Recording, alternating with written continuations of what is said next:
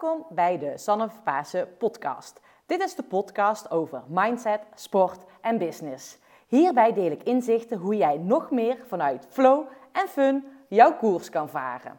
Veel luisterplezier.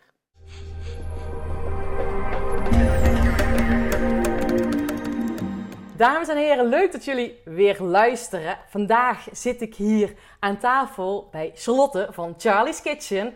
Charlotte is transforma transformatiecoach, online voedingsdeskundige, spreekster en onderneemster. En volgens mij vergeet ik nog wel meer, want Charlie is vooral een heel leuk mens. Tof dat ik hier mag zijn, dankjewel. Ja, super tof dat je er bent. Ja, Ja. fijn dat je in mijn podcast wil zijn. Als eerste ben ik echt nieuwsgierig, ehm, Charlotte. Waar krijg jij het meeste energie van? Van mijn werk. Ja? Ja. En wat maakt jouw werk zo leuk? Mensen kunnen helpen, mensen kunnen inspireren. En eh, ja, zien dat andere mensen in hun kracht gaan staan. En dat ze ook hun eigen energieniveau verhogen. Oh, dat is gaaf. Ja. En hoe doe je dat dan met jouw werk? Want dat is misschien wel even leuk voor de luisteraars, dat je, dat je hen even meeneemt in jouw werk. Ja, Wat doe je precies? heel veel. Ja, dat zei ik net al, Nee, hè? ik, eh, ik verdeel het eigenlijk altijd eh, om makkelijk uit te leggen in, in twee delen. Ehm, ik heb mijn blog, Charlie's Kitchen. En dat is het gedeelte waar ik eigenlijk content creator ben. Dus ik creëer content die waarde is, waardevol is voor andere mensen. In samenwerkingen eh, onder, ja, met onder andere grote merken. Maakt verder niet uit welke merken. Maar dat is dus één deel van mijn werk. En daar deel ik ook eh, ja, eigenlijk mijn hele leven. Alles wat ik eet, wat ik doe, eh, waar ik gelukkig van word. maar ook ja, alle dingen die tegenzitten, hoe ik daarmee omga. En daarnaast heb ik mijn eigen online programma. Het Echt in Balans programma. En eh, daar help ik in 12 weken mensen naar een hoger energieniveau. En eh, meer zelfvertrouwen, meer energie. Alles over voeding. eh, meer productief zijn. En eigenlijk echt in je krachten staan. En gewoon jezelf mogen zijn.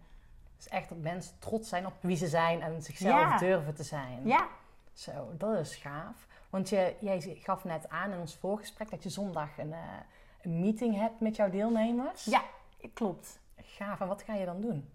Eh, wij gaan naar Amsterdam toe, naar CT Stars. En dan gaan we een eh, fantastische workout doen van Lars. Hij is de trainer van Nike en hij wordt ook wel de Energy Man genoemd. Nou, ik dacht, die moet ik hebben. Vond het best wel eng, maar ik dacht, ja, weet je, ik probeer het gewoon. Ik heb hem gewoon gevraagd. Niet geschoten, altijd mis, toch? Ja. En hij zei meteen ja, dus dat vind ik echt heel tof. Oh. En eh, ik heb op dit moment eh, zitten we op de helft van het programma. Ik heb 62 deelnemers en eh daar komen er iets meer dan 30 naar het event zondag. En we gaan natuurlijk lekker Charlie food eten en er komen toffe sprekers. Een van de sprekers is Kim. Zij zit ook in mijn team. Zij is mijn fotograaf. En zij is eh 35 kilo afgevallen. 45 zelf, 45 sorry.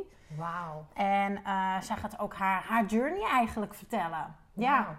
En jij zegt al, hè, je helpt dus mensen hè, met net het verhaal met Kim, 45 kilo afval. Dat is echt wonderbaarlijk groot, Ja. hè? veel eh, kilo's. En zij zal zichzelf natuurlijk vele malen energieker voelen. En tussen de, of de regels door zeg ik al Charlie's Food. Wat is dat? Ja, Charlie's Food is voedzaam eten. Voedzaam eten. Ja. Ik, eh, ik, ik hou niet heel erg van eh, labelen van gezond, ongezond, negatief, positief. Ik eh, probeer altijd zeggen, probeer voedzaam te eten, goede keuzes te maken. En daar heb ik dan een aantal ja, basisregels in die ik hanteer in mijn programma. Onder andere eet minimaal drie fruit per dag. Eet 500 gram groente, maar niet 500 gram dezelfde, nee, vijf verschillende. Zorg gewoon dat je echt voldoende voedingsstoffen binnenkrijgt. Uh, wees lief voor je lichaam. Zorg goed voor je lichaam. Want wat je geeft, krijg je terug. Ja. En uh, ook wat je eet bij jezelf, weet je. Dus zorg dat je voedzaam eet. Maar zorg ook dat je geniet, weet je. Dat stukje chocola of dat wijntje, dat mag ook gewoon. Ja. Maar beweeg lekker. Ja. Zoek de ontspanning op. En doe dingen waar jij gelukkig van wordt. En wat jouw lichaam nodig heeft. Ja. En durf naar je lichaam te luisteren is natuurlijk wel heel belangrijk. Nou, ik denk het, het durven, dat, dat, is al heel moeilijk. Maar ik merk vooral heel erg bij de deelnemers dat ze überhaupt niet eens meer weten of uh, hoe, wat, hoe hun lichaam eigenlijk communiceert met hun. Mm -hmm, mm -hmm. We zijn allemaal zo ver van onze lichaamstaal eigenlijk af gaan staan, doordat we altijd geleefd worden en maar gewoon doen. S ochtends je bed uit en standaard je bammetje maken. Naar je werk, koffie, s'avonds thuiskomen, iets maken, zitten, nieuws kijken. En naar bed gaan, dag in, dag uit. Ehm, wanneer staan we eens stil bij de dingen die we doen, bij de dingen die we eten, bij de dingen die we voelen? Op dit moment is het echt, nou, ik weet niet eens meer hoeveel procent, maar immens veel mensen hebben last van overspannenheid en een burn-out. En dat is niet voor niets. Nee. Dat komt omdat we niet meer luisteren naar ons lichaam. En dat heb ik zelf ook ondervonden. En uh, ja, ik ben gewoon super dankbaar dat ik nu weer zo in connectie sta met mijn lichaam. En jij, hè, maar dat gaan we zo meteen op in. Jij hebt ook zelf een heftige periode meegemaakt. Maar daarvoor had jij al een passie voor voeding. Ja. Hoe is jouw passie voor voeding ontstaan? Door mama. Door mama. Liefde gaat door de maag. Maar vertel ja. neem ons eventjes mee. Ja, ik heb fantastische ouders die uh, enorm van eten houden. En die echt in het leven staan van je moet elke dag genieten en je hart volgen. En uh, ik, ik kan mij vroeger alleen maar herinneren aan thuis dat het altijd gezellig en leuk was. Altijd mensen over de vloer. Altijd koken. Mijn moeder houdt van koken. En uh, in het weekend vaak vrienden over de vloer. Ook met kinderen. Dus vrienden van mijn ouders met andere kinderen. En um, mijn moeder heeft heel hoog gebasketbald. En ik ben dat ook gaan doen. Ik heb ook Eredivisie basketbal gespeeld. Oh, cool. En uh, om eigenlijk uh, goed te kunnen presteren, moest ik ook goed eten. Want ik ging gewoon fulltime naar school. Drie keer per week trainen. In het weekend uh, een wedstrijd met mijn eigen team. Maar ik zat ook op de bank bij het ene hogere team. Dus ik was eigenlijk altijd met topsport bezig naast mijn opleiding.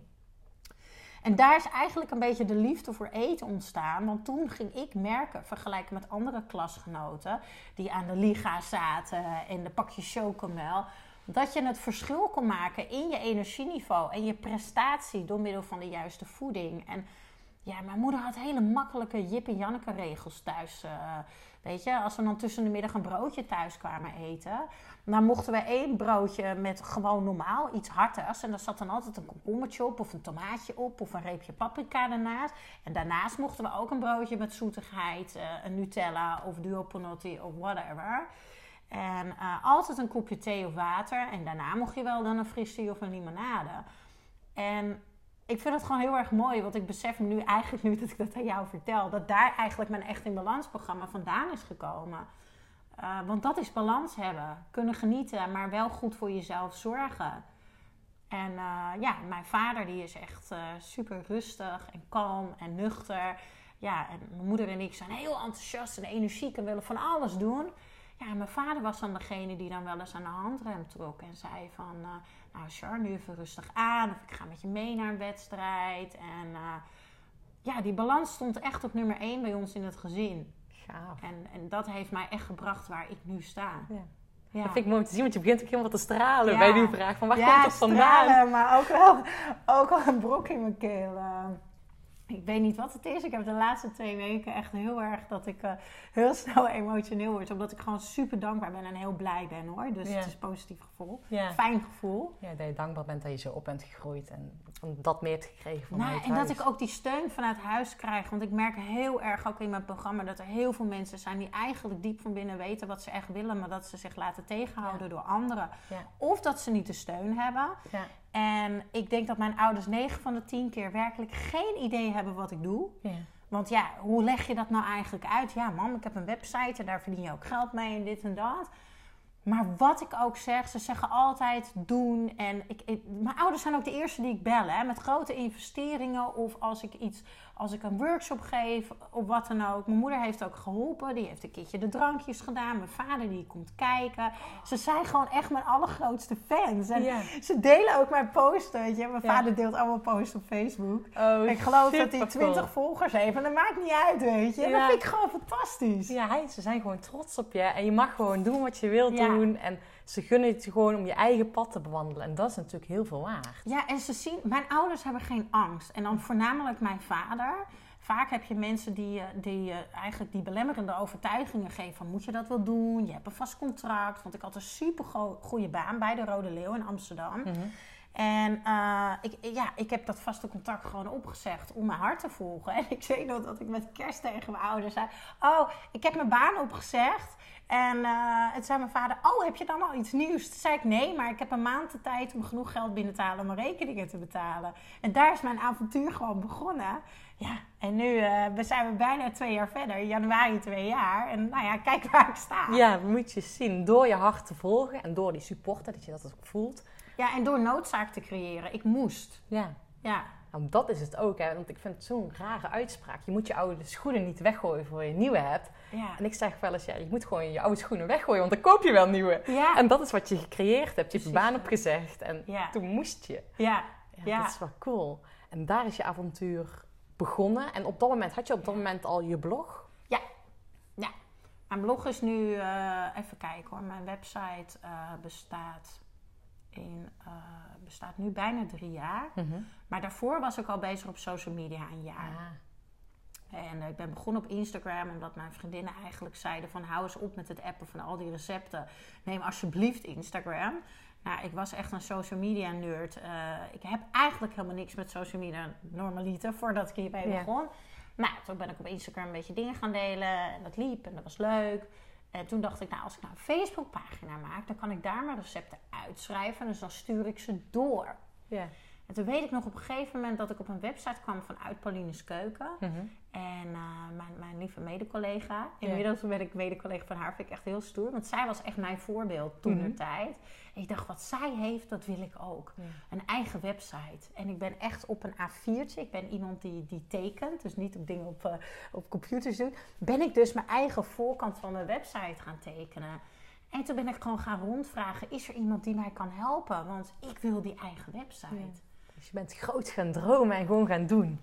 gewoon gaan doen. Maar ik dacht, ja, maar ik heb best een hele duidelijke mening over alles. Zo ben, ben ik uit mezelf. Maar ik dacht, als ik dan zo'n mening geef... Er zijn zoveel bloggers en influencers tegenwoordig... die misschien eh, veel zijn afgevallen... of een bikini fitness hebben gedaan of whatever... en die daardoor denken dat ze zoveel weten... maar eigenlijk niet eh, eh, daarvoor naar school zijn geweest. Toen dacht ik, dat wil ik dus niet. Want ik wil dat mensen mij echt gaan zien als een deskundige. Dus ik ben in de avonduren naast mijn fulltime baan en het fulltime bloggen ben ik nog een opleiding voedingsdeskundige gaan volgen. Oh my god, dat is heftig. Ja, dat was heel heftig. Ja, nu, nu snap ik ook wel onder andere waarom ik in mijn burn-out kwam. ik deed misschien een beetje te veel. Ja, Ja, maar goed, op dat moment zat ik gewoon... Ik ben iemand die heel hoog in energie zit, ook Ja. al van mezelf. En als ik echt doe wat ik leuk vind, dan, dan voel ik eigenlijk niks meer. Dan Nee. voel ik alleen maar blijheid. Ja. En achteraf krijg je de rekening. Nou ja, dat, dat herken ik, weet je. Ja. Daar kan ik zelf ook over meepraten. En ook heel logisch, want je hebt een droom en je volgt je passie en je gaat daarvoor en je wordt gesteund. Dus je hebt het gevoel dat je- alles aan kan. Maar ja, dan komt er toch een moment. Dat het niet meer gaat, inderdaad. En eh, dat was bij mij echt... eh, ik vond het heel mooi wat je eigenlijk eh, net zei... voordat we met de podcast beginnen... van een, een fysieke burn-out. Toen viel eigenlijk iets voor mij op mijn plek. Want ik heb altijd gezegd van... ja, ik heb een burn-out. Ehm, maar ik had een fysieke burn-out. Dat besef heb ik nu. Want mijn mind is zo sterk. Dat is echt niet normaal. En ik weet nog dat ik terugkwam van een persreis in Parijs. Daar heb ik de Disney Run gerend. Ongetraind, want ik vond het zo gaaf. En ik dacht, dat kan ik ook wel even doen. Natuurlijk, ja. Uiteraard. eh, door van opnames in de trein. eh, nee, heen was ik vliegen, terug met de trein. En eh, ik weet nog dat ik terugkwam en ik stapte onder de douche. En ik kwam onder die douche vandaan en ik kon alleen maar huilen. Huilen, huilen, huilen, huilen. En mijn lichaam deed zo'n pijn ja. zo'n pijn. En ik, ik was aan het hyperventileren. En nou, ik dacht, wat gebeurt er? Maar ik dacht, Char, weet je, relativeren. Je hebt rust nodig, je bent te ver gegaan. Dus mijn mind was gewoon echt weer heel sterk. Ging twee, drie dagen goed. Toen dacht ik dat weekend, nou, ik kan wel weer naar een feestje gaan hoor. Want ik hou ook heel erg van feesten. Ja. Met vrienden, dansen. En ik weet nog wel dat ik die dag daarna in bed lag. En eh, ik was in mijn oude huis waar ik alleen sliep op dat moment. Mijn ex die was toen eh, bij zijn vader. En ehm, ik lag in bed en ik had zulke hartkloppingen. En ik voelde op een gegeven moment eh, tintelingen in mijn linkerarm. En ik voelde mijn voet niet meer. En ik raakte volledig in paniek. En dat heb ik dus nog nooit gehad. En ik kan nu eigenlijk alweer benauwd krijgen als ik aan denk. Want het was zo heftig. Ik heb gewoon op mijn eigen voet staan rammen. Omdat ik mijn voet niet meer voelde. En ik dacht echt, je mag niet flauw vallen. En je mag geen hartstilstand krijgen. En Sascha, een van mijn beste vriendinnen, die woont... Ehm, woonde achter mij. En die heb ik dus een berichtje gestuurd. Nou, en die weet, ik, ik stuur namelijk nooit dat het niet goed gaat, want het gaat altijd goed. En die is echt gewoon als een een of andere idioot naar mijn huis toegekomen. En ik ben op de bank gaan liggen in haar armen. En nou, ik ben nog steeds zo dankbaar dat, dat je zo'n vriendin mag hebben. En echt als een moeder is ze over mijn hoofd gaan aaien. En ze heeft me thee met suiker gegeven. En gedroogde vijgen had ze meegenomen, geloof ik. Ik, ik ging zo slecht. En uh, ik, ik stortte volledig in en ik kon helemaal niks meer. Helemaal niks meer. Zo. En toen wist ik, uh, dit is niet goed. Mijn hoofd wist het al, maar dit mhm. is niet goed. En dit is dus dat je net zei, fysieke burn-out. Eh, ja, ik heb echt een fysieke burn-out gehad. Wat uiteindelijk ook wel een mentale burn-out werd. Omdat ik dus eigenlijk zo sterk was. Ik kon heel snel relativeren. Ik dacht, oké, ik heb een eigen bedrijf. Niet werken is geen geld. Ik heb spaargeld uh, voor noodgevallen. Oké, dit is echt een noodgeval. Nou, ik had eh, in dit geval geluk bij een ongeluk. Ik ging na tien jaar uh, ging ik uit elkaar met mijn ex. wat heel, heel zwaar was. Heeft me heel veel pijn gedaan. maar ik, ik, heb, ik was wel degene die het besluit heeft gemaakt. En ik moest dus terugwonen bij mijn ouders. Kon het huis niet betalen, dus het huis moest verkocht worden. Dus ik, ik was in de eerste periode van mijn leven alles kwam uh, En maar ik, moest, werd ook uit mijn vertrouwde omgeving weggerukt eigenlijk. En ik ging dus bij mijn ouders wonen. En dat was dus eigenlijk het geluk in de zin van ik had geen huurlasten. En uh, super, super mega lieve ouders die gewoon zeiden: Je luchtbed staat al klaar. Ik lag in een luchtbedje, op het luchtbedje, op de grond in de computerkamer van mijn vader. Ik had geen tv, niks, dus het voelde helemaal niet ja, echt natuurlijk heel erg als thuis. Maar ja, ik had een plek. En ik had een warm nest. En ik had een moeder die voor me kookte. En een vader die elke dag zei: Kom, we gaan wandelen. Je moet naar buiten. Je moet je niet binnen opsluiten. Oh. En ik kon heel goed met mijn ouders erover praten. Van wat is nu nodig? Wat kunnen we doen? En, en uh, ja, waarom ik dus zeg dat mijn mind zo sterk is. Het geld kon me echt geen ruk interesseren. Ik dacht, ik heb spaargeld. Dus ik kan mensen betalen. Dus ik ben een team gaan samenstellen. Ik had al Kim die mijn foto's maakte. Ik heb een oproep online gezet. Ik heb iemand nodig die de fotografie kan doen. En ik dacht, ik blijf wel zelf schrijven. Want voor mij was schrijven ehm, eigenlijk het begin van mijn herstel. Want ik ben letterlijk online mijn leven gaan delen. Jongens, ik lig thuis op de bank.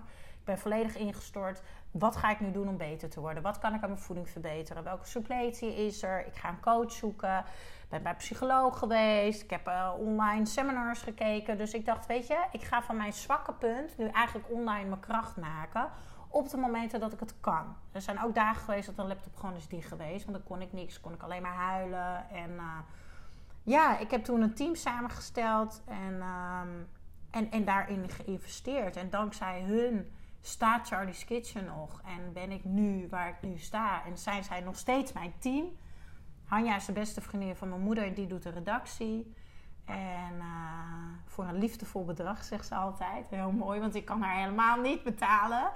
en uh, voor een liefdevol bedrag, zei ze toen. Ja, en hun zijn echt mijn steun en toeverlaat geweest, business-wise. Oh. Waardoor Charlie's Kitchen is blijven staan. En eigenlijk door mijn uh, verhaal zo eerlijk te delen... en mensen mee te nemen in, in, in mijn ellende eigenlijk... is eigenlijk Charlie's Kitchen juist gegroeid. Wauw. En uh, ja, ja. Maar dat is super heftig. Maar ik vind het ook wel super knap dat je op dat moment dat jij zo diep in de shit zit, ja. nog bij de clevere bent en bedenkt van joh, ik kan geld investeren in een goed team. Zodat Charlie's Kitchen blijft draaien. Uh, zodat mij weer de rust geeft om op mezelf te focussen.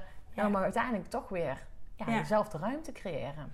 Ja, want ik moest echt uh, eh, 30 stappen achteruit doen. Ik kon niet, ik heb heel erg last gehad van paniekaanvallen. Mm Ik kon niet uh, in ruimte zijn met veel mensen. Ik weet nog zo goed dat ik uh, getekend had voor het huis. Dat hij verkocht was en mijn vader was mee en we zaten in de auto terug. Ik zat naast hem en hij had zijn hand op mijn been, want ik was natuurlijk ook heel erg verdrietig. Het proces van loslaten, een nieuw begin ook, spannend. En toen zei mijn vader, ik heb lekkere broodjes gehaald. Wat wil je voor beleg erop? En ik dacht, en het begon weer. En mijn hart begon weer. En, en ik kon gewoon niet meer denken. Mijn hoofd op een gegeven moment, ook mijn hersenen gingen het begeven. Mhm. Ik ervaarde het echt als een volledige blackout. Ik was zo druk op zoek naar een antwoord in mijn hoofd, maar er was gewoon geen antwoord. Gewoon zo'n makkelijke vraag als wat wil je op je brood? En dan had ik gewoon een zware paniekaanval in de auto. Uh, en daarna uitte dat zich in extreme huilbuien. En dat werd op een gegeven moment zodanig erg. Dat ik dus op een gegeven moment ook in een lichte depressie terecht kwam. Want ik kon gewoon niks meer. Ik werd gewoon depressief van. Ik wilde zoveel.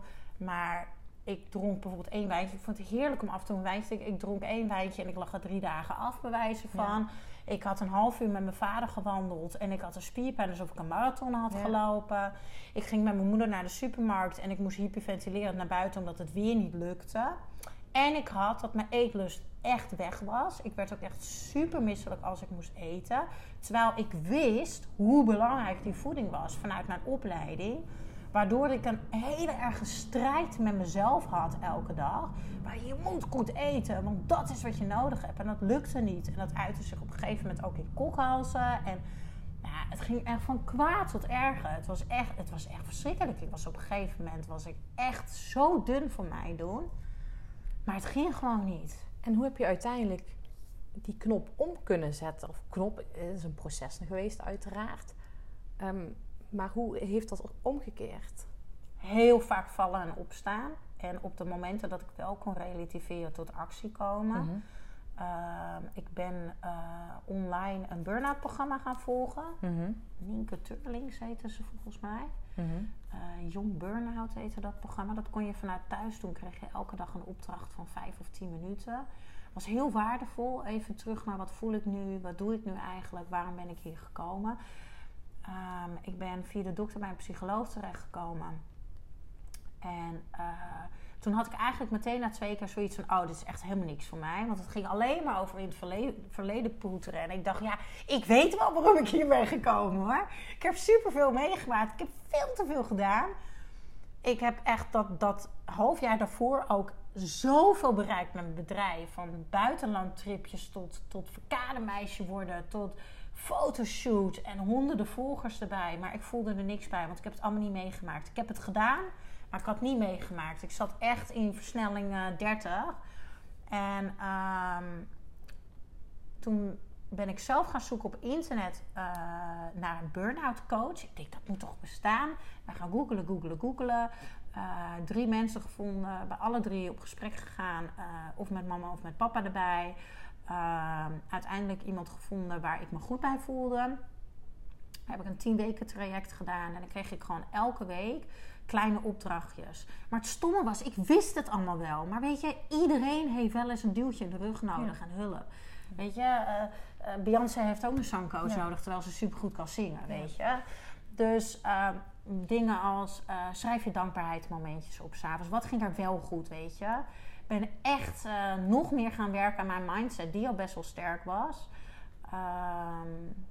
Ik ben naar alle dagen geweest van Michael Pilarczyk. Dat programma had ik daarvoor al gedaan. Hij heeft echt, uh, ja, zijn programma's hebben heel veel voor mij betekend. Nu achteraf heb ik het besef dat ik op dat moment dat ik zijn programma deed, dacht dat ik er klaar voor was, maar dat was ik niet. Ik had mijn burn-out nodig om 30 stappen terug te doen en eerst echt naar binnen te gaan. En uh, ja, nu ga ik gewoon keihard naar buiten. En uh, ja, zijn manier, zijn boeken, Think and Grow Rich en Leef je mooiste leven, Master Your Mindset dan, hebben heel veel voor mij gedaan. Ik heb van Matthijs Bos ook een programma gedaan, Power Start. Hoe, hoe heb je nou een energieke start ochtends? Wat werkt voor jou? Alles geprobeerd, van geen telefoon aan tot de koude douche, tot water drinken. Alles geprobeerd. En ik heb nu echt mijn rituelen. Ik zeg ook al uh, tegen mijn vriend soms, ik ben echt wat dat betreft een beetje een autist geworden. Want ik moet mijn rituelen doen, anders ben ik helemaal van de rel. Maar dan ben ik wel helemaal nieuwsgierig naar jouw rituelen. Ja. Van, wat heb jij nodig om met een kickstart die dag dan te beginnen? Ja, ja. Ja, s ochtends, uh, ik ga eigenlijk altijd vroeg mijn bed uit. Meestal als mijn uh, vriend hier is, dan ga ik met hem eruit. Ehm, en zijn werk gaat half zes, zes uur. Dat vind ik heerlijk, voordat de wereld eigenlijk wakker is. Want dan hoef ik ook nog niet online te zijn. Dus kan ik lekker mijn telefoon uitlaten. En eh, dan begin ik altijd eventjes met bedenken gewoon van... hé, hey, waar kijk ik naar uit vandaag? Wat voor leuke dingen ga ik doen? En dan begin ik eigenlijk al blij. Dan ben ik al aan het lachen. En soms denk ik gewoon, ik ben dankbaar. En dan knuffel ik mijn vriend lekker. En denk ik, oh, lekker vent heb ik toch? En dan moet je heel blij om zijn. Daarom. Ja. En dan ga ik mijn bed uit, ga ik naar beneden. Eh, ik begin altijd met één glas water. En een glas water met een shot aloe vera erin. Aloe Mhm. vera juice. Ja. En eh, dan ga ik lekker op de bank zitten met mijn dekentje. En dan komen mijn katjes lekker bij me. En dan zeg kom maar lekker kroelen. en dan ga ik even lekker kroelen. En eh, dan zet ik een theetje. En dan gaat mijn vriend meestal weg naar zijn werk. En dan ga ik naar boven en dan ga ik een douche nemen. En ik douche dus altijd ijskoud af. Ja, eh, in het begin denk je, waar ben ik aan begonnen? Maar nu vind ik het super lekker. Ik doe het ook. Ik vind het wel leuk om Ja. te horen. Jij- Ja. Heerlijk. Mm. Dat geeft zo'n boost. Ja, en ik heb een, eh een eh, agendaplanner. Mhm. En ehm, op die pagina staat, waar ben je dankbaar voor? Waar kijk je naar uit? Nou, dat doe ik altijd al lekker al in bed. Daar schrijf ik iets op, een intentie van de dag. Dus ik denk gewoon even na van, ja, wat is voor mij belangrijk deze dag?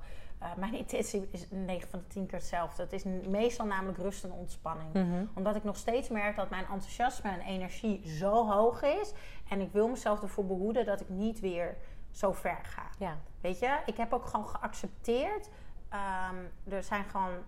Die psycholoog probeerde dat. En die burn-out coach ook. En ook eh, online training die ik heb gevolgd. Die zeiden elke keer tegen mij: Char, eh, je hebt zes versnellingen.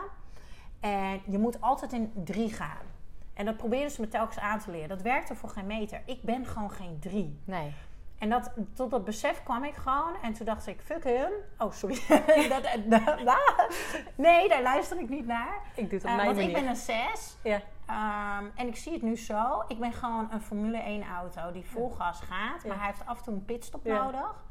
Eh, met de juiste mensen om zich heen. Ja. Oh, ik vind het cool, want dat je het zo zegt, dat je het zo verwoordt. Precies dat. Ik heb een pitstop nodig met de juiste mensen om mij heen. En die juiste mensen heb ik nu om mij heen. Die heb ik gecreëerd. Ja. Ik heb fantastische lieve vrienden eh, eh, die mij op. Ik heb, Noordin en Quincy, die ken ik dan van het programma van Michael Pilacic. Dat zijn echt mijn maatjes die me echt eh, onwijs steunen in op het moment dat ik even terugval. Die liefdevol zijn, die me even helpen met eh quotes sturen. En ja, nou ja, ik wil niemand vergeten, maar Sjoerd is een van Ja. mijn beste maatjes en Sascha. En eh, ja, die kan ik gewoon bellen. Eh, ik heb vrienden die ook ondernemen, Stan en Roos. En die bel ik dan. En dan als ik hysterisch ben of als ik moe ben. Ja. En ja, dan, dan, dan gaan we thee drinken of chocola eten. Of Ja. we gaan het eten of we gaan op de bank liggen. Of we hebben gewoon uren goede gesprekken over spraakmemo's, weet Ja. je wel. Gaaf. Oh, dat is super. Of Ja. super dat je dat team hebt, maar ook vind jouw vergelijking ook heel erg mooi. Want zo zie zie ik dat zelf ook ooit. Ehm, vroeger, toen ik dus in mijn eh, wedstrijdperiode zat, toen had ik mijn winnaarsmentaliteit, zo noem ik het zeg maar. Die was altijd opgespeld. Ik stond ook altijd in die zesde versnelling. En ik zei Ja. ook altijd, je moet op dat moment dat het nodig is, dan speld je weer die winnaarsmentaliteit. Of dan zet je hem weer in die zes. Ja, En dan probeer ook weer terug te schakelen. Weer even voor die oplaadmomenten die je ook al bewust neemt. S ochtends met je even tijd te nemen voor jezelf. Zodat je weer kan opschakelen als het nodig is. ja, precies dat. En ehm, echt gewoon je rustmomenten pakken. Dus ik kan nu ook gewoon mijn telefoon uitzetten. En loslaten wat eh 40.000 volgers daarvan vinden. Ja. En eh, ik kan intens genieten van een dag met mijn vriend en mijn bonusdochter. En ik kan ook enorm genieten van goede gesprekken met vrienden. En ik kan ook echt regelmatig, want ik ben echt super emotioneel. Dus eh, ik plof regelmatig huilend bij mijn ouders op de bank. En dan krijg ik daar een liefdevolle knuffel en lekker eten. En dan luisteren ze naar me. Of mijn vader neemt me mee naar het strand. En het is gewoon heel fijn dat ik dat, ik, dat, ik dat heb gecreëerd. En eh, dat ik dat nu gewoon van mezelf weet. Dat zoveel mensen zeiden, je moet naar een drie. Zo leven kan niet. En ik dacht, ja, maar dat is niet wie ik ben. Nee, ja. Ik ben die zes. Ja. En eh, ik moet alleen af en toe even een pitstop houden. Ja. En je mag even een keer terugschakelen om weer gas te geven. Nou ja, en die plan ik nu in dus ochtends. Ik schrijf in mijn boekje, wat zijn mijn vier prioriteiten vandaag? En waar heb ik mijn pitstop vandaag? Ja. En die plan ik echt elke dag in. En eh, ja, natuurlijk een voedzaam ontbijt. Ja. En ik ga 's ochtends altijd even naar buiten. Of ik ga lopen, of ik stap op mijn mountainbike, of ik ga naar de sportschool, of ik ga een boodschapje doen bij de, bij de supermarkt dat ik even heen en weer loop. En eh, ja, en dan luister ik altijd een inspirerende podcast. Ja, of ik lees een stukje uit een boek en dan, Ja. dan begint mijn dag. Ja, gaaf. En achteraf gezien, hè, jij bent, hè, je hebt er heel veel van geleerd. Je bent echt heel bewust van je energieniveau nu. Maar heb je ook zelf ervaren achteraf gezien van... Oeh, ik had misschien wel signaaltjes herkend. Eh, het liep van tevoren eigenlijk al niet zo soepel. eh, achteraf gezien, eh, hè, want Disney is eigenlijk een cruciaal moment geweest. Ja. Maar misschien dat je achteraf al eerder al signalen hebt gekregen... dat je misschien toch wel die pitstop in had moeten rijden. Maar je bent misschien maar door blijven rijden. Ik heb 100 signalen gehad. ik heb 100 signalen gehad. Eh, alleen over 300 huilbuien, die nog meer waren dan normaal. Eh, ja, pijn op de borst, vermoeidheid, maar voornamelijk niet mezelf zijn. Mhm. Eh, dat blije ei was gewoon weg. Mhm. En ik was echt heel erg ongelukkig. Stopte ik weg door maar eh, te gaan feesten. Eh, tenminste, ik werkte superveel. Echt extreem veel. Vond ik heel leuk, maar het was ook een vlucht achteraf gezien. Mhm. En ik ging elk weekend naar, het, naar een festival of naar een feest. En dan kwam ik weer twee uur s'nachts thuis, drie uur, vier, vijf, zes, zeven uur, soms om acht uur. Ging helemaal nergens over. Ik was gewoon aan het vluchten. Mhm, mhm. Ja. En herken je dat nu bij jezelf weer? Je bent heel kritisch dat wanneer die pitstop in moet gaan. Ja. Dat plan je ook in. Maar ik kan me ook voorstellen, althans als ik jou een inschatting mag maken. ehm, en ik herken heel veel dat je door je enthousiasme toch ook af en toe gewoon weer in die modus kan komen. Ja, Herken je nu duidelijk die signalen van oké, nu is het tijd om terug te schakelen, maar iets langer terugschakelen dan ik normaal doe, dan Ja. een wandeling naar buiten te maken of iets dergelijks? Ja, absoluut. Want dat gebeurt nog steeds af en toe hoor. En dat is oké. Ik bedoel, we zijn mens en eh, het leven is vallen en opstaan. De vraag is, wat doe je met de lessen die je krijgt? Mhm. En ehm, ja, hoe het bij mij meestal uit gewoon, is eh, dat ik heel veel pijn in mijn lichaam heb. Het uitzicht bij mij altijd lichamelijk. Ik blijf mentaal gewoon wel sterk. En, ehm, en dan inderdaad die enorme huilbui. maar echt extreem. en ehm, ja, dan weet ik gewoon, oké, dit is niet goed. Hier willen we niet weer naartoe. Schakelen. Wat kan ik uitbesteden? Wie kan er nu voor mij zijn? Waar kan ik rust pakken? En ik kan dan ook gewoon alle minuut dingen afzeggen, hoeveel, hoeveel er ik ook betaald voor krijg. Eh, geld interesseert me dan echt helemaal niks. Mijn lichaam is mijn tempel, mijn alles. En dat gaat gewoon voor alles. Ja, dat is het belangrijkste natuurlijk. Ja. Want als jij in die, in- goed voor jezelf blijft zorgen, dan kan je ook blijven Ja. shinen. Ja, En ja, op het moment dat je dan toch ja zegt tegen een leuk event of iets waar je dan Ja. misschien heen gaat met lage energie, dan kan je dan waarschijnlijk niet zo zijn. Althans, zo ervaar ik dat zelf. Ja, nou ja, ik weet nu ook waar ik wel en niet tegen kan. Ik ben super gevoelig en eh, ik, ik pak heel snel energieën op en ik word heel snel leeggezogen ook. En eh, ik ging eerst naar alle events toe omdat ik dacht dat ik dat nodig had om te netwerken. Dat doe ik dus niet meer, Eh, want dat kost mij zoveel energie. Ik, ik maak echt heel duidelijk keuzes in wie en wat geeft mij energie en wie en wat nemen mijn energie weg. En dat doe ik gewoon niet en dat Mhm. besteed ik uit. Gaaf. Ja, daar ben ik echt heel hard en makkelijk in. Maar Mhm. ook in privé-situatie. Ik vind oprecht dat vrienden en familie moeten begrijpen als iets niet gaat. Want je doet iets niet expres. En als ik een hele dag heb moeten werken en een lezing heb gegeven voor zoveel mensen. En ik heb s'avonds nog een verjaardag. En ik lig op de bank en mijn lichaam doet pijn. En ik wil zo graag. En het voelt eigenlijk heel even als falen dat je niet kan naar je vriendin of wie dan ook vind ik dat je eerlijk moet kunnen zijn en moet kunnen appen van ja, maar lieverd, ik wil zo graag, maar het gaat gewoon niet. En ik ben zo bang dat ik anders terugval. En ik doe dat dus ook gewoon. En er zijn mensen geweest die het niet waardeerden. Ja, en die staan nu ook niet meer om mij heen. Want Nee. ik wil die mensen ook niet om mij Nee. heen hebben. Dan zijn het pas echte vrienden natuurlijk. Hè? Dat ze gewoon accepteren dat, ja, dat je ook af en toe rust nodig hebt. Ja. En dat je niet op die verjaardag mag komen. En, Ja.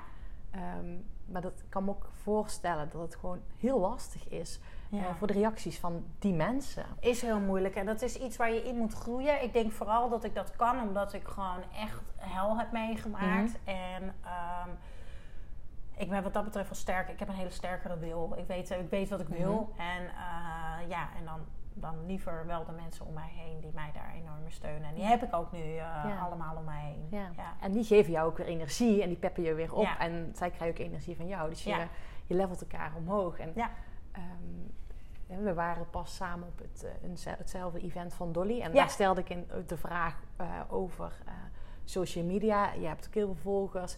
En je krijgt ook af en toe, of althans, dat is nu een aanname voor mij, dat je ook af en toe iets minder leuke reacties krijgt Ja. van mensen. En het is ook misschien wel vergelijkbaar in je normale Ja. omgeving, dat mensen ook ooit minder eh, reacties geven. Ehm, hoe ga je daarmee om? Want zo'n situatie, hè, dat ze niet blij zijn. Online. Ja, online, ja. ja. Of ook gewoon in het normale leven. Ja. Ehm, online gebeurt het helaas vaker dan, eh, dan, dan wat jij zei. Eh, ja, ik kan er nu mee omgaan, maar ik zeg niet dat het me niet raakt. Mhm. Ik vind het bijzonder dat mensen de moeite nemen om jouw naam in te typen, om te drukken op e-mail, om een heel bericht uit te typen en jou even hun mening te vertellen. Wat ze wel niet vinden over jou, Mhm. of hoe je eruit ziet en hoe je dingen doet, of dat je nep bent. En ik krijg berichtjes als je bent arrogant en eh, ik word gek van je hoofd op mijn beeld en je stem irriteert me. En dan denk ik, waarom ontvolg je me niet gewoon? Ja. Waarom ga je mij in godsnaam dit berichtje sturen? Ja. Uh, of mensen die zeggen van ja, en uh, je doet alsof je echt in balans bent, maar je eet best wel veel chocola en wijn. Dan denk ik, hoe weet jij dat? Jij ziet alleen wat ik online deel. En al wil ik dat wel. Ja, dat is ook balans. be- Ik bepaal wat voor mij balans is. Ehm, dus hoe ga ik daarmee om? Ja, communiceren is echt wel, echt wel de sleutel daartoe. Als het gaat om privé situaties. Ehm, ik heb geen schaamte, dus ik kan echt zeggen wat ik voel en wat ik denk. Op een normale, liefdevolle manier. En ehm, ga dat gesprek maar met iemand aan. En 9 van de 10 keer ligt het bij die andere. Dus stel de vraag terug. En dan eh, hou die spiegel maar voor. En online ehm, heb ik een hele tijd gehad dat ik alles ging beantwoorden. En dat doe ik niet meer. Nee. Ik, eh, soms als ik een reactie zie waarvan ik denk, nou, daar kan ik een vraag terugstellen en dan hè, is het weer oké. Maar als er echt zulke naar berichtjes zijn, ben ik heel makkelijk blokkeren en verwijderen. En dat is keihard. Maar wie ben jij om mij zo naar te laten voelen? Uh, vanuit achter jouw computer of vanuit achter je telefoon. Ik, ik, ik, kan, dat, ik kan dat gewoon niet begrijpen. Nee. Iedereen is zoals hij is. Ja. Iedereen is mooi. Iedereen mag delen wat hij wil. Ja. Als jij mij niet leuk vindt, volg me dan gewoon niet. Ja, dat is het mooie. Accepteren zoals iemand is. En doe dat bij een Ja. ander ook, weet je. En, waarom moet je er... Ik zag het laatst bij, bij een eh, collega-blogger, bij eh, Lisa. Van eh, In Love with Health. Zij heeft gewoon echt een hele eigen kledingsmaak. En, en soms kotsen mensen gewoon over haar heen online. En, en ik vind het zo tof van haar dat ze daar dus ook over schrijft. Van ja, maar jongens, waarom is dit nodig? Ja. Ik mag toch zelf weten wat ik aantrek en waar ik me goed in voel. Ja. Als ik de hele dag eh, lekker in mijn joggingpak wil lopen, doe ik dat. En als ik de hele dag thuis naakt wil lopen, dan Ja. doe ik dat ook lekker, weet je. Ja, als jij er maar zelf gelukkig van wordt. Als ik er maar gelukkig van word. Ja. ja. En dat is mooi, weet je wel. En misschien herken je dat ook, want ik merk het moment dat ik goed in mijn energie zit, hè, ik zie jou nu stralen, dan doet het waarschijnlijk veel minder met je op het moment dat, dat je laag Ja. in energie zit. Ja, lage energie is altijd een uitdaging. Ja, Ja, want ik merk op het moment dat ik een reactie krijg of dat, dat er ergens iets, eh, ja. eh, iets niet minder prettig wordt gecommuniceerd. En dan Ja. komt de reactie binnen en dan merk ik eigenlijk aan mijn reactie, oh, Ja. ik zit hoog in energie, laag in mijn energie, Ja. ik moet voor mezelf zorgen. Op het moment dat je hoog zit, dan ja. Nou, als je zo'n reactie krijgt en je reageert eigenlijk zelf, dan komt al een emotie omhoog, meteen terugstappen. Ja. Wat ik doe is mijn telefoon of mijn e-mail of wat dan ook wegleggen. Of weggaan uit de situatie als ik met iemand ben. En gewoon wachten dat het gezakt is en dat ik me beter voel. Ja. En nooit reageren vanuit een emotie. Nee, Nee, nooit doen. Even loslaten, loskoppelen. En wat mij heel erg helpt, is opschrijven. Ik heb een klein boekje, een linkerpagina en rechterpagina. Dan schrijf ik links op eigenlijk wat mijn gedachten daarover zijn. En dan rechts schrijf ik op wat ik eigenlijk zou willen zeggen, maar mijn emotie houdt het tegen. En dan gewoon even relativeren. Want zij zegt bijvoorbeeld: hè, eh, je, je bent lelijk en je irriteert eh, op het beeldscherm. En eh, dan is mijn gedachte bijvoorbeeld van waarom zijn mensen zo gemeen? Wat, wat een rotwijf, waarom stuurt ze dat naar mij? En dan op de andere pagina schrijf ik op van zij is vrij om haar mening te geven. Als ze me niet meer wil volgen, dan is dat oké. Ja. En als ik dat dan weer teruglees, dan zakt mijn emotie en dan is het gewoon oké. Ja, gaaf. Want je gaat dus eigenlijk je eigen mindfucks tackelen. Ja, ik ben heel erg uh, een communiceerder met mezelf. Ik praat heel veel met mezelf. Ik doorbreek alles zelf. Ik heb namelijk duizend gedachten per dag, iedereen. Maar uh, voor mijn gevoel heb ik altijd nog veel meer. ja, en die schrijf ik op en, en die probeer ik echt te relativeren. En, en, en ook te sturen eigenlijk. Want jij bepaalt ook. Uh, want wat je denkt is wat je uiteindelijk ook gaat worden en wat je gaat zien. Hè? Ja. Ja. En je mag soms best wel even terugstappen en dat gesprek met je aangaan van ja, maar waar, waarom voel ik dit nu? Of waarom reageer ik nu? Of waarom doe ik dit eigenlijk? Ja, en wat helpt mij om je weer... Uh, hè, soms gaat het gewoon ten koste van jezelf. Ja. Hoe je jezelf voelt. Of heel vaak. Ja. Maar wel gaaf, want op die manier daag je jezelf natuurlijk uit om steeds uit de comfortzone te stappen. Of, of, of het hoeft niet zeer comfortzone, maar in ieder geval om naar je doel toe te gaan of naar je droom. En ja. Uh, je zei het op het begin van het gesprek al, dat je heel mooi je eigen website had uitgetekend. Dat je heel duidelijk hebt die droom. Ja. En ik proef dat ik hier aan tafel zit, echt met, uh, met Charlotte, die echt op een missie mhm. is. ja. Wat is jouw missie? Waar, waar ben je naartoe aan het... Uh, ja, mensen helpen in hun kracht te staan. Ja, ik wil mensen helpen gelukkig te zijn, energiek te zijn ik, ik, ik gun ze wat ik voel en hoe ik in het leven sta. En eh, dat is niet egoïstisch bedoeld van, of capsones van dat ik zo fantastisch ben. Nee. Maar uh, ik ben vrij. Ja. Want ik ben ik. Ja. En uh, ik gun dat andere mensen ook. En uh, ja, daar heb je een aantal dingen voor nodig. En ja, ik geef dat de mensen in mijn programma. Oh, en cool. ja, ik krijg daar gewoon super, super mooie transformaties uit. En, en dat maakt mij gewoon ontzettend blij. Het doet mij heel veel, heel veel zeer om mensen zo te zien struggelen met hunzelf. Met hun, hun zelfbeeld, met wat ze doen, of met hun voeding, of met anderen. Of ja, om, om, om maar in die hokjes te blijven. En, en, en dat vind ik zo zonde. Yeah. Want er is genoeg op de hele wereld om allemaal te kunnen doen wat we echt leuk vinden. En uh, om echt te zijn wie we echt zijn. Het is alleen heel erg eng want je wordt tegengehouden door je egootje die jou vertelt dat het niet zo is. De kracht zit het ermee Durf jij het gesprek met jezelf aan te gaan? En dat is eigenlijk waar in mijn mening het hele leven over gaat. Durf jij met jezelf het gesprek aan te gaan? Met je, met je kern. Dus eigenlijk je kern is wie jij echt bent van binnen. Hè? En wat jij echt wil. En wat jij echt eh, wil, dat, dat ja, wat je wil voelen, wat je wil mhm. delen. Of luister je naar dat egootje, die gedachten die je eigenlijk alles wijs maakt. Dat het niet zo is, dat je niet goed genoeg bent. Ja, die ja, grond in deelt. Ja, soms dan denk ik ook eens bij mezelf, nou, nou kan ik, ik had op maandag de lancering van mijn nieuwe programma. En toen dacht ik, straks gaat niemand zich aanmelden. Wie zit hier nou op te wachten? Zal je haar weer hebben? Weer iets met balans. Toen dacht ik, ho, stop dit is wat ik echt leuk vind. Dus ego, ga jij even lekker een enkeltje naar Moskou pakken. Doei! Ik noem haar Svetlana. Ik heb haar een naam gegeven. ik zag het. Ja. Nou, ik eigenlijk niet. Maar een van mijn beste vriendinnen, Sascha, heeft die naam verzonnen. Uh, en dat is heel makkelijk relativeren. Dat, dat, dat, dat boze stemmetje in je hoofd, die heet dus bij mij Svetlana.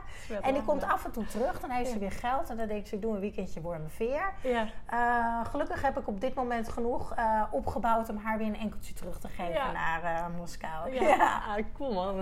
Dat kan je natuurlijk doen als je steeds energieker bent. Dan kan je er gewoon doei. En dan herken je het. Ja. Maar jij zegt, hey, ik, ja, ik gun het om mensen te communiceren met hun echte zelf. En die ego durven los te laten. En jij geeft zelfs je ego een naam.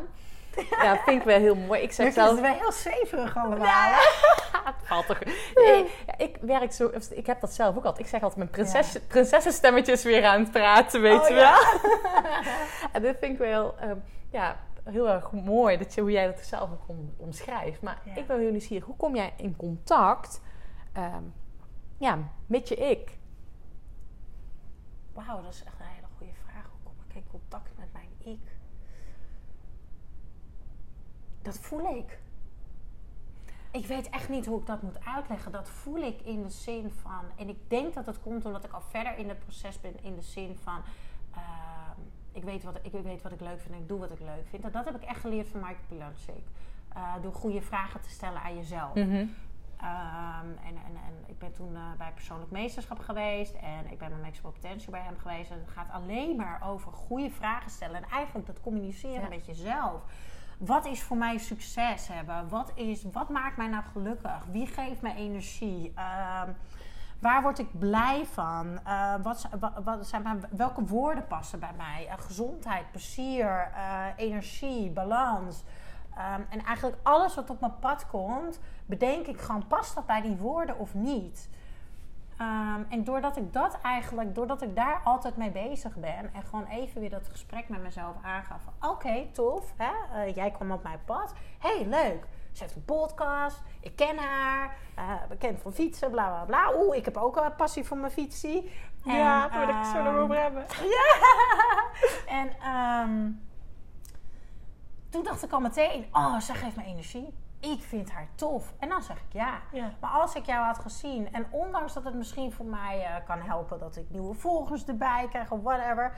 Als ik een gevoel zou hebben van, nou, ik voel die klik niet, dan zou ik het nooit doen. Nee. Ik doe echt dingen vanuit mijn gevoel. Hoe voel ik me ergens bij? Ondanks dat het soms heel veel geld kan opleveren. Ik had van een week, uh, was ik benaderd door de McDonald's. Voor een hele grote opdracht. Voor echt heel veel centjes. En mijn gevoel zei gewoon, nee, nee, Nee, Char. Nee, past niet bij mij. Nee. nee. Dat is wel echt super knap dat je ondanks het vele geld zegt van nee, dit Nee. past niet met mezelf, past niet bij mijn waarden. Nee. En hier word ik niet gelukkig van. Nee. Nee. Nee. Ja, maar dat is super knap dat je Ja. op je gevoel durft te vertrouwen en ook gaat staan voor wie je bent. Ja. En dat denk ik, dat zie ik om me heen ook dat wat veel gebeurt. Hè? Om wie je echt bent en niet omdat het van je verwacht wordt. Ja. Eh, want ik denk dat, dat heel veel mensen in jouw programma's ook daarmee worstelen van dat ze niet, ja, hè, ze doen niet wat ze zelf willen, maar omdat ze het uit. Nee, en, en weet je, wat ik een hele mooie zin vond. Die, eh, ik had een eh, cursus online gedaan. productiviteit om fliek heette dat. Van Celine Charlotte. En ehm, zij zei... Een nee tegen een ander is een ja tegen jezelf. Ja.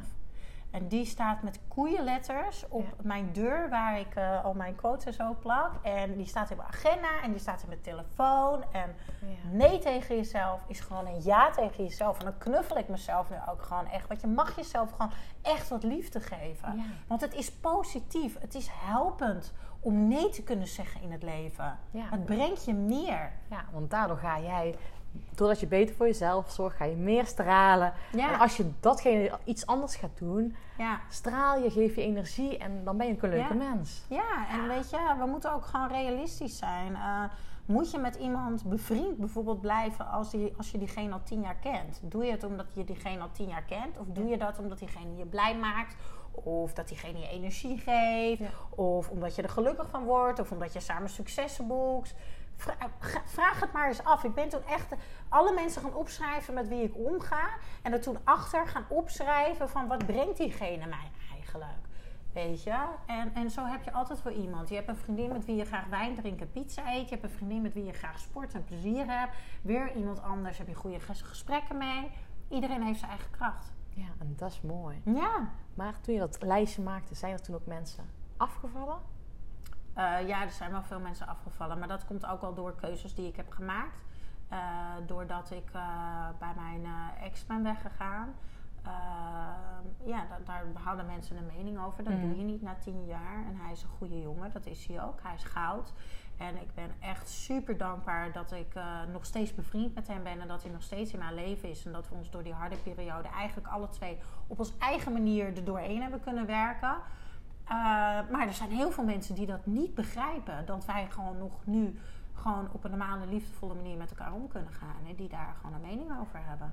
Dat is eigenlijk ook wel bijzonder, hè? dat mensen gewoon een mening hebben over jouw leven. Ja. En, Over onze keus eigenlijk. Ja. Of mijn keus. ja. en terwijl jullie er, jullie zijn samen nog bevriend. Ik vind het altijd zo bijzonder dat Ja. mensen gaan oordelen over Ja. hoe jij het misschien wel zou moeten doen. Ja, ja, maar er is geen regel. Weet Nee. je, al ben je 30 jaar samen. Nee, het is het belangrijkste. Als je jij- ongelukkig bent, dan, dan ben je gewoon ongelukkig. In die zin van ja, en dat zou me achteraf voor daar is ook niet dieper in te gaan. Op dat moment eh, was het er niet. En eh, ja, dan maak je een keuze waar je je op dat moment goed bij voelt. Ja. En dat is nu ook in het leven zo met dingen. Ja. Ik had ook, eh, denk ik, even kijken. We gingen in eh, februari geloof ik uit elkaar, maart. En ehm, in eh, november uh, kreeg ik een beetje, december was ik een beetje met Bas zo, mijn huidige vriend nu.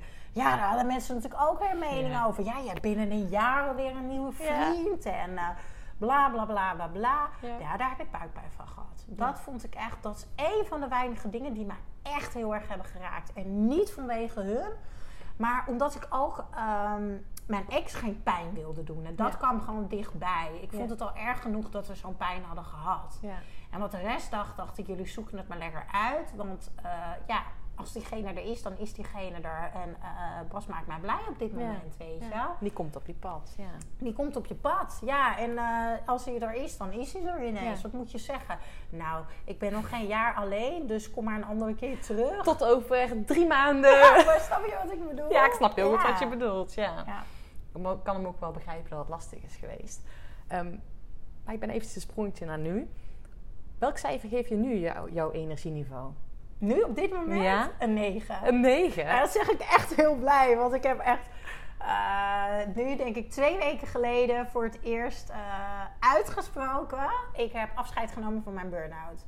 Dus uh, het is echt sinds twee weken dat ik echt weer kan zeggen dat ik heel hoog in mijn energie zit. Ja, ja volgens mij heb ik daar jouw blog ook over gelezen. Ja, ja. super mooi dat je dat gewoon van jezelf kan zeggen. Ja, super tof. Ja, echt heel blij. en um, je hebt heel veel inzichten en die deel je nu denk ik ook in je programma. En wat ik ook tof vond uh, om te zien, is dat je, dat je ook gewoon... Ja, jij voelt aan je lichaam van... joh, ik heb gewoon een break nodig. En ik zag je ook pas op de fiets opstappen... en dat je lekker was wezen rammen op de fiets. Ja, ja, ja. ja. Dus het naar buiten gaan, het bewegen... Ja. dat gebruik je ook weer om energie te tanken.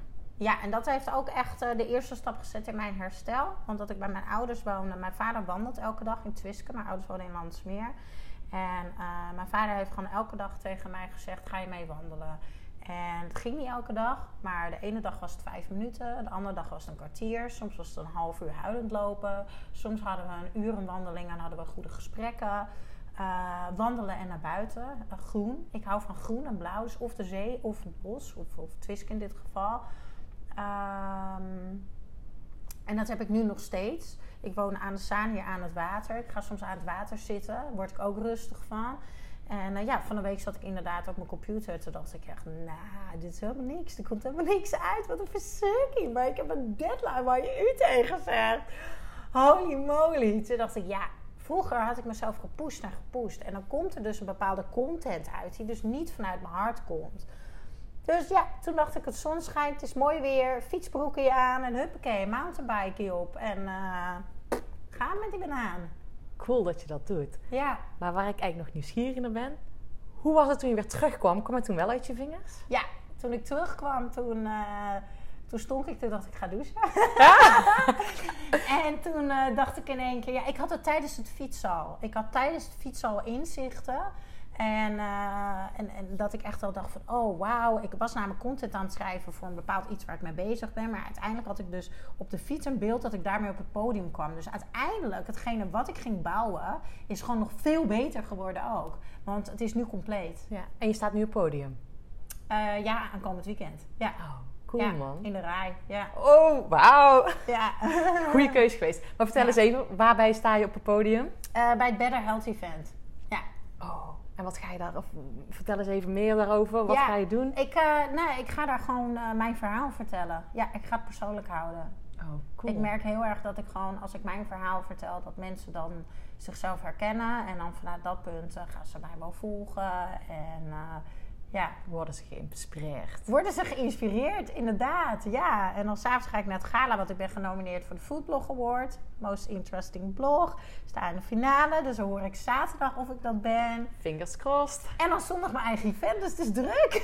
Zo. Ja. Oh, dat is wel echt een heel mooi weekend heb, staat ervoor op de, op de planning. fantastisch. Ja, ja, ja, ja. En je hebt iets heel erg tofs gedaan afgelopen maandag. Mijn programma gelanceerd. Ja. Ja, ja, ja, ja. ja echt in balans door de feestdagen. Dat vind ik echt super cool. En ja. wel leuk dat je zegt, hè, je wordt, uh, ik weet niet precies hoe je, de, de kilo's komen er niet aan tussen kerst en oud opnieuw. Of tussen Sinterklaas en oud opnieuw, maar uiteraard tussen kerstmis en Sinterklaas. Nee, ja, ja, wat ik dus eigenlijk bedoelde, wat, wat ik mensen wil vertellen is... de meeste mensen hebben in de maand december gewoon alleen eigenlijk maar stress en geen zelfliefde. Want uh, je gaat van de ene borrel naar de andere borrel, naar het etentje. Uh, we denken, het maakt toch allemaal niet meer uit. Ik begin in januari wel opnieuw. Uh, ondertussen, aan het einde van de maand is het kerst. Pas je eigenlijk al niet meer in die jurk die je eigenlijk heel graag aan wilde met kerst. Ehm, we, we zeggen tegen alle afspraken en borrels ja.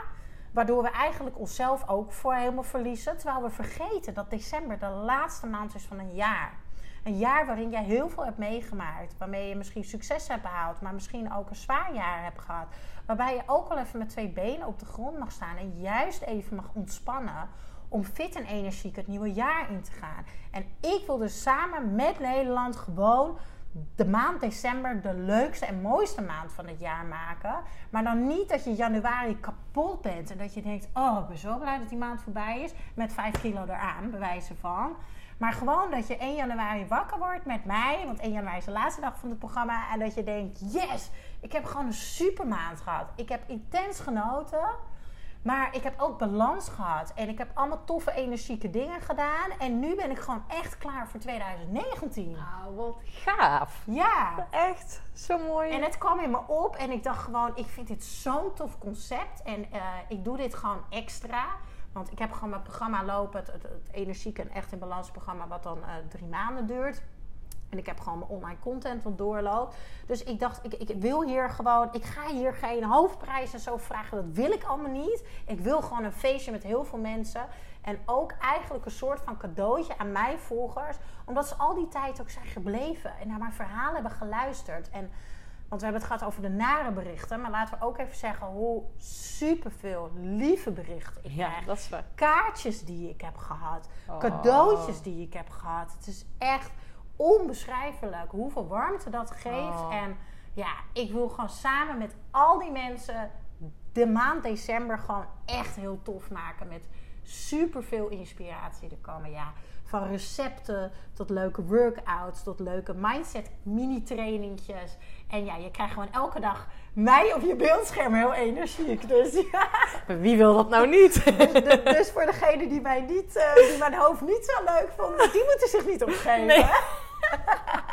Oh, maar volgens mij wordt het echt helemaal geweldig. Want als je Ja. dat met jouw energie doet, eh, waarmee je hier aan tafel zit. Ja. En ook met hè, sowieso je kennis over voeding, maar ook wat je zelf mee hebt gemaakt, wordt het volgens mij echt een heel waardevol programma. En ja, ik zie het helemaal maar heen ook. Tussen kerst of rond de feestdagen, dat mensen denken, oeh, ja, dat ze er niet echt van genieten. En het is zonde om er niet van te genieten. Het is zo'n Ja. leuke periode. Ja, dat is ook een stukje bewustwording. Hè? Want kijk, eh, in principe is het 5 december. Dan heb je twee kerstavonden en oud en nieuw. Dat zijn vier dagen. Ja. Op 31 dagen. Van vier dagen word je niet dikker. Nee joh. Nee. Het is wat je eromheen doet, Ja. weet je. En ik ga gewoon de handvaten geven om ervoor te zorgen dat je in balans blijft. En ik ga je ook leren wat ehm, voeden van je lichaam is. En wat jij nodig hebt om je energieniveau gewoon hoog te houden. En niet alleen op, op voeding, maar ook op mindset. En weet je, we gaan ook een ochtend eh, creëren die voor jou werkt. Ja. En eh, ja, ook ik neem ze eigenlijk een beetje mee in mijn avontuur. Ja, nou ja, maar dat is, dat is Ja. gaaf. Dat is leuk. Oh, super waardevol. En voor een zeer waardevolle prijs. Want 7 euro, joh. Wauw, wat een 7 euro maar. Ja, ja. Dus eh, ja, voor, eh, voor, voor in totaal 32 dagen, want 1, jan- 1 januari doet ook nog mee. Dus 7 euro. Alleen het kerstmenu wat je al krijgt, komt een super intens lekker culinair kerstmenu. Eh, en die kan je dan ook downloaden. Ja, alleen die is al 7 euro waard, weet je. ja, inderdaad. Oh, En al de rest wat je allemaal krijgt. Dus, dus ja, Ja. alsjeblieft. Ik heb er heel bewust voor gekozen. Als mensen denken, waarom heb je het niet gratis gedaan? Dat je zegt, ik wil het geven. Ik wil wel de commitment van de mensen. Jij maakt na- namelijk heel bewust een keuze als je wel een transactie doet. Ja. En ik wil in de groep alleen maar toffe, enthousiaste mensen die heel graag met mij meegaan. Ja. En als je het voor niks gaat doen, dan ga je de helft halverwege verliezen. Je, het verschil is niet zo groot, 0 euro of 7 euro. Ja. Dat is het wel. Ja. Dat, eh, dat, ja, 7 euro, het is een hele mini, mini investering. Ik bedoel, koop, koop een paar sokken minder of drie, twee biertjes Ja. minder. En gun jezelf deze Ja. fantastische maand. Ja. Weet je? En het is net die commitment die jij graag in je Ja. groep wilt. Om Ja. samen gas te kunnen geven. Ja. Ja, ja zeker weten. Wauw. Ja. Dat is wel echt... Doe je mee? Ja, ik doe bij deze mee, uiteraard. ik bedoel, ik was al heel erg nieuwsgierig. eh, ja, hoe, ja, gewoon hoe ik mijn feestdagen goed door kan komen. En dat kerstmenu, ja, is ook wel makkelijk. Daarom. Een heel kerstmenu, man. Heel, Ja. ja. ja, Makkelijk, heel fijn. Ik ben nog heel nieuwsgierig. Zou je voor mij drie zinnen af willen maken? Oh jee. Mijn grootste droom is. Mijn grootste droom is een eigen appartement in Valencia waar ik kan schrijven en mensen, waar ik me kan terugtrekken, mijn rust kan vinden en kan schrijven om nog meer mensen te inspireren. Oh, wauw. En waarom Valencia? Geen idee. Ik heb het uh, 2,5 jaar geleden bij het programma van Michael Pilatje kwam dit naar boven in een meditatie. Dat heb ik opgeschreven. En toen heb ik opgeschreven binnen 7 jaar. Dus uh, ik heb nu nog 5 jaar. het voelt nog steeds. Ik kan niet uitleggen. Het is een gevoel. Ja. ja, Valencia is natuurlijk een stad en ook strand. Hè? Ja. Dus het is cultuur en ontspanning en natuur. En uh, ik vond het daar zo tof. Ik denk, hier wil ik een appartement. En mooi weer natuurlijk. Ja, mooi weer. Niet ver vliegen. Ja, wie wil het dan niet? Wie wil het mee? Ja. ja. En ik geloof in... Mezelf. Bam! Zo is dat, ja. Ja. Cool. Ja, ik geloof in mezelf. En ik geloof dat ik anderen kan helpen. Ja. ja. Mooi. Ja. Heel mooi. Ik krijg de meeste energie van... Mijn werk. Dan zijn we er. Oh. Ja. ik hoop niet dat het saai was dat ik het altijd zo klaar had. Nee, dat is heel mooi, vind ik. Oh, oké. Charlotte, we hebben echt superveel gekletst. Ik heb, uh, je hebt echt zoveel mooie dingen gedeeld. Ik weet niet of je zelf nog zoiets hebt van... dit had ik nog graag willen delen met de luisteraars. Nee, ik vind het, ik vind, ik vind het echt superleuk. Dankjewel. Jij dankjewel. Ja. Super bedankt voor jouw verhaal en dat je mee hebt genomen in ja, in jouw verhaal, de lessen die je hebt meegemaakt. En ik vind het heel mooi en inspirerend om te horen. En je straalt en je geeft energie ehm, met waar je bezig bent. En ik vind het tof om te horen dat je in jezelf gelooft, want dat zie ik ook. ja, gelukkig. Dankjewel. Dankjewel. Wauw.